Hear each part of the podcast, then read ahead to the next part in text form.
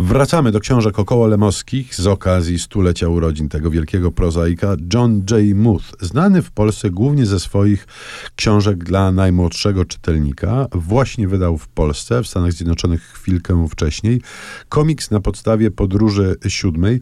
Ciekawym zbiegiem okoliczności jest to, że na początku tego roku ukazał się film Krzysztofa Jankowskiego pod tytułem Pokój na podstawie tego samego opowiadania. Ja od razu polecam skonfrontowanie jednego z drugim. A jak Muth e, poradził sobie z materią literacką Tomku? No, to jest ciekawa rzecz, bo ona jest, właściwie nie jestem pewien, czy ona jest dla dzieci, czy nie jest dla dzieci, bo tak wygląda niby dziecięco, rysunek jest bardzo ładny, bardzo taki malarsko ołówkowaty miejscami, więc to y, estetyczne wrażenie robi bardzo dobre. No tyle, że jeżeli Państwo pamiętacie, Podróż Siódma Iona Tichego, czyli ta, która otwiera dzienniki y, gwiazdowe, to jest y, ta, w której on się multiplikuje, to znaczy pojawia się bardzo dużo ionów tichych, którzy ze sobą dyskutują i próbują dojść do jakiegoś ładu. W związku z czym jest to bardzo kameralna historia. Wprawdzie jest tam dużo postaci, ale wszystkie te postaci są jednym ionem tichym. To się wszystko dzieje w zamkniętej przestrzeni pojazdu kosmicznego, w związku z czym to, to z punktu widzenia komiksu jest trochę statyczna sytuacja. Na pewno jest to ciekawe dla tych, którzy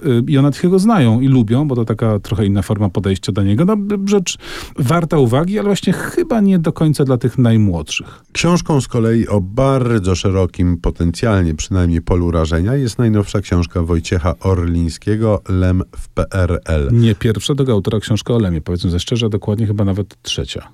Tak, trzecia, no i e, trudno, żeby w roku Lema książka Orlińskiego się nie ukazała. Ukazała się. Jest to książka, która nie jest o Lemie tylko. Są tu rzeczywiście przeurocze jego potyczki z perelowską szarą codziennością, które to piórem najczęściej e, staczał, śląc prześmieszne i przezabawne listy do e, różnych urzędów, ale jest to rzeczywiście opowieść o PRL-u jako takim i jednoznaczna odpowiedź, jednoznaczna podkreślam, na pytanie, jaki Lem miał stosunek do Polskiej Rzeczpospolitej Ludowej. Zgaduję, że nie entuzjastyczny. Delikatnie mówiąc tak i ta książka nie pozostawia do, co do tego cienia e, wątpliwości, ale przy tym wszystkim jest książką niezwykle zabawną na swój sposób, a książce towarzyszą też urocze zdjęcia i faksymile z archiwum Lema.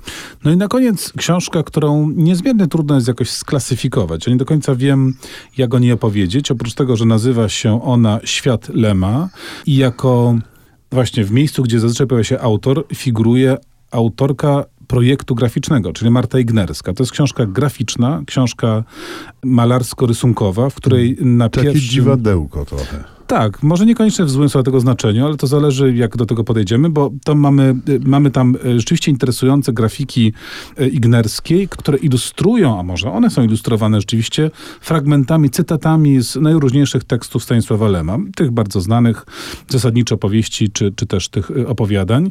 Czyli mamy krótki fragment tekstu i mamy do tego w różnej konwencji utrzymane rysunki, czy, czy malunki, czy po prostu grafiki, tak to powiedzmy.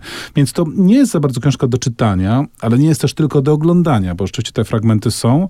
Myślę, że to jest taki wyrafinowany deser dla lemosympatyków albo po prostu dla miłośników ignerskiej, czy też miłośników w ogóle grafiki jako, jako takiej. Rzeczywiście zaskakująca rzecz i gdybym miał tutaj nominować najoryginalniejszy pomysł z naszej listy, czy z lemowskich publikacji tegorocznych, no to rzeczywiście Świat Lema byłby na miejscu pierwszym. Tyle z lemowskich e, książek. Żegnamy się z Lemem. Niech z Lemem pożegna się również Filip K. Dick, e, poniekąd przyjaciel, poniekąd no, znajomy. przyjaciel z, z przekąsem, Z przekąsem. Utwór Hansa Timmera i Benjamina Wolfisza z filmu Blade Runner 2049.